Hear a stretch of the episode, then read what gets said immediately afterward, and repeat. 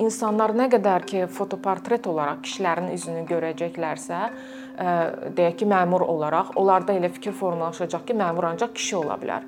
İdmanda belə nə qədər ki idmançı kişilərin üzlərini fotolarda görəcəklər, elə düşünəcəklər ki, idmançı kişi ola bilər və qadınlar yenə də kölgədə qalacaq.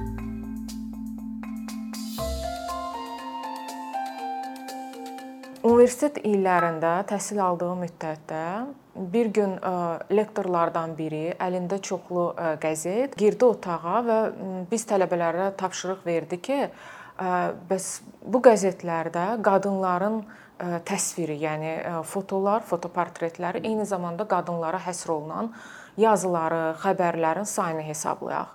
Tapşırığı yerinə yetirdik. Yəni adi bir tapşırıq idi. Sonra bunu müzakirə elirdik ki, nə üçün bu tapşırıq bizə verilmişdi. Tapşırığın mahiyyəti ondan ibarət idi ki, deməli bu qəzet səhifələrində təxminən 10-15 dənə qəzet idi və bu xəbər e, qəzetləri idi. Müxtəlif xəbərlər yer alırdı bu qəzetlərdə. 10% ən yaxşı halda 20%-də qadınların e, foto olaraq portretləri görünürdü ya da ki, onlarla bağlı hər hansısa bir xəbər yaxud məqalə yazılmışdı.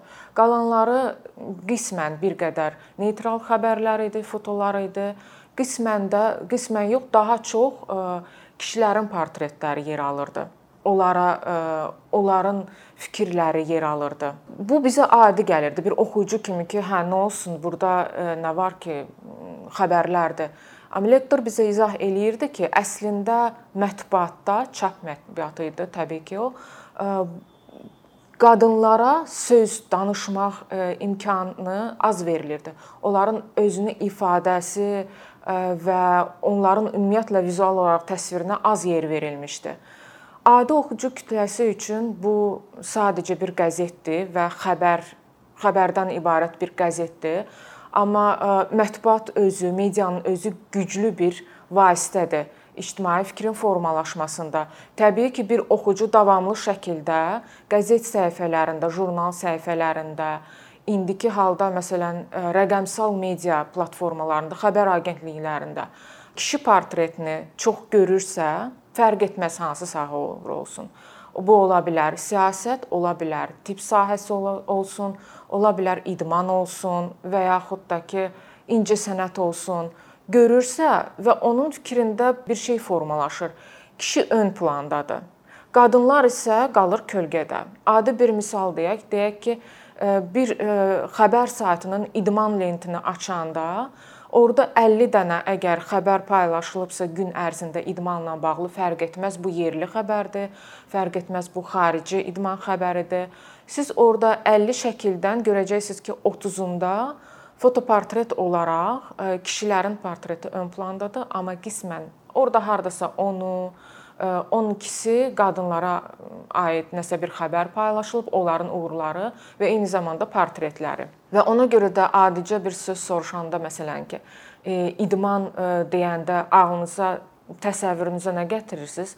Onda o zaman ilk növbədə kişilər ağla gəlir ki, sanki kişilər prioritetdir və yaxud da ki, üstündülər idmanda və yaxud da ki, olsun taksi şoförü. Biz qadın görəndə taksi şoförü wow eləyirik. Halbuki bu wow eləyəsi bir şey deyil. Əslində e, qadın da taksi şoförü ola bilər. Niyə fotolar üzrə danışıram? Çünki foto medianın e, informasiya ötürən e, daha operativ təsvir vasitəsidir. Təsvir vasitəsi yazı olur. Ya təsvir vasitəsi indiki dövrdə fotolar daha çox önəm daşıyır və eyni zamanda video görüntülər olur. Amma ki tamaşaçı, izləyici və yaxud da hər birimiz ilk anda informasiyanı fotonun təsirindən daha tez ala bilirik. Yazını oxumağa çox vaxtımız gedə bilər videonu ə, e, izləməyə vaxtımız gedə bilər, amma foto anında bizdə artıq ə, e, informasiyanın ötürü fərqi yoxdur. Bu keyfiyyətli fotodur və yaxud da deyil, bu sabit bir portret ola bilər, insan portreti ola bilər.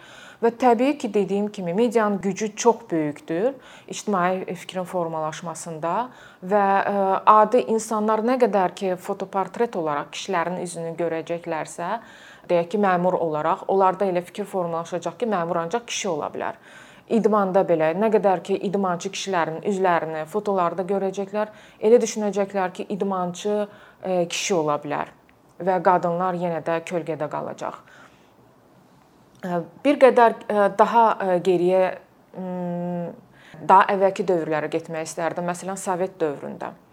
Və nə ilə əlaqələndirmək istəyirəm? Çünki vizual olaraq Sovet dövründə də Azərbaycan qadınının imkanları geniş idi. Sovetlər artıq imkan vermişdi ki, qadınlar ictimai cəmiyyətə inteqrasiya eləsinlər. Çünki onlara oxumaq imkanı, işləmək imkanı, əməkçi ola bilmək imkanı verilmişdi. Plakatlarda, o dövrün qəzetlərində, jurnallarında qadın portretlərini görürdük. Ən çox da əməkçi qadınların öndə gedən əməkçi qadınların portretlərini görürdük. Artıq e, Sovetlərin sonuncu dövründə, 80-lərin sonu deyək və müstəqillik illərinin əvvəllərində müəyyən bir e, dərgilər var idi. Tutaq ki, Azərbaycan qadın dərgisi var idi və Gənclik jurnalı var idi. Bundan e, ziyadə düzdür var idi publisistik elmi nəşrlər var idi, amma bunlar daha çox elə bir ki, bu ikisi Azərbaycan qadını və Azər Gənclik jurnalı daha çox oxucusu var idi. Amma təbii ki, Azərbaycan qadınının oxucusu kişi olmayacaqdı. Ənənəvi olaraq bu qadın olacaqdı və orada da qadınların portreti yenə də əməkçi qadınlar tutaq ki, hansısa bir məktəbin direktoru, hansısa bir məktəbin müəllimi, ya dərzi, ya nə bilim qənnatçı ola bilərdi və onların o dövrə uyğun hekayələri paylaşılırdı və müsbət bir qəhrəman canlanırdı yenə də hardasa o intibah dövrü deyək ki, Sovetlər qurulanda ki, qadınlara verilmişdi o imkanlar plakatlarda olar, tutaq ki, təsvir olunurdu rəssamların əsərlərində, vizual olaraq təsvir olunurdu. Sonradan artıq foto inkişaf elədikcə və foto artıq dərgilər inkişaf elədikcə bu dərgilərdə yerini tapdı qadın fotoları, portretləri. Amma necə tapdı? Azərbaycan qadını kimi bir ayrıldı, sanki bir cəmiyyətdən ayrıldı. Yenə də tədricən zəiflədi bu görüntülər. Sovetlərin ilkin dövründəki kimi qadınlar artıq bərabər deyildilər kişilərlə. İstər hansı sahədə olur olsun, ilk öncədə fəhlə deyək də sinfində bərabər edilirsə, o bərabərlik tədricən azaldı.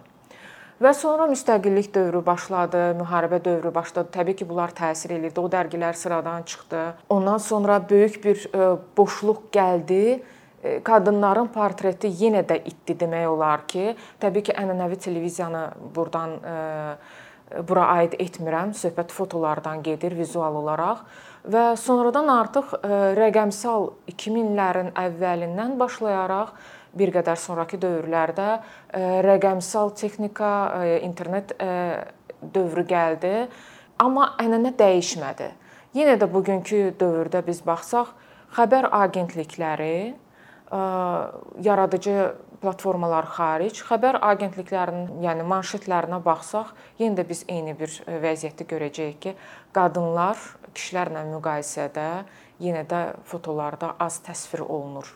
Əslində Azərbaycan mediasında belə oxucu kütləsi deyək ki, hər hansı bir məlumatı oxuyarkən o fərqinə varmır ki, bu media qurumunda, agentliyində, bu qəzetdir, jurnaldır və yaxud da ki, media xəbər agentliyində. Burada qadının şəkli, qadına aid mövzular 5 dənədir və yaxud da kişiyə aid mövzular 20 dənədir. O onun fərqinə varmır. Sadəcə informasiyanı alır. Amma bizim üçün bu önəmlidir. Çünki biz istəyirik ki, gender bərabərliyi qorunsun. Biz istəyirik ki, hər kəsin səsi bərabər olsun. Biz istəyirik ki, idmançı qadınlarımız da, idmançı kişilərimiz kimi onların xəbərləri də öndə getsin və yaxud da ki, bu olsun e, taksi şoförü olsun. Biz onların da simasını görək. Sonradan biz çərçivələndirməyək ki, kişilər idmanda çox güclüdür, qadınlarsa e, məişətdə çox güclüdür və buna bir heyrətlə baxmamaq üçün ona görə də biz bu mövzulara diqqət yetirməliyik və vizual olaraq e, xüsusilə də bu mövzuda fotonun gücünü diqqətdə saxlamalıyıq, diqqət mərkəzində olmalıdır ki, ona görə ki, bu medianın dili insanlara çox şey öyrədir insanlar e, artıq baxışları dəyişir. İnsanlar nə qədər çox balanslı vizual görüntünü görsələr və informasiyanı alsalar, onlar üçün heç bir şey e, heç bir mövzuda diskriminasiya etməyəcəklər və balanslı şəkildə olacaq hər bir şey.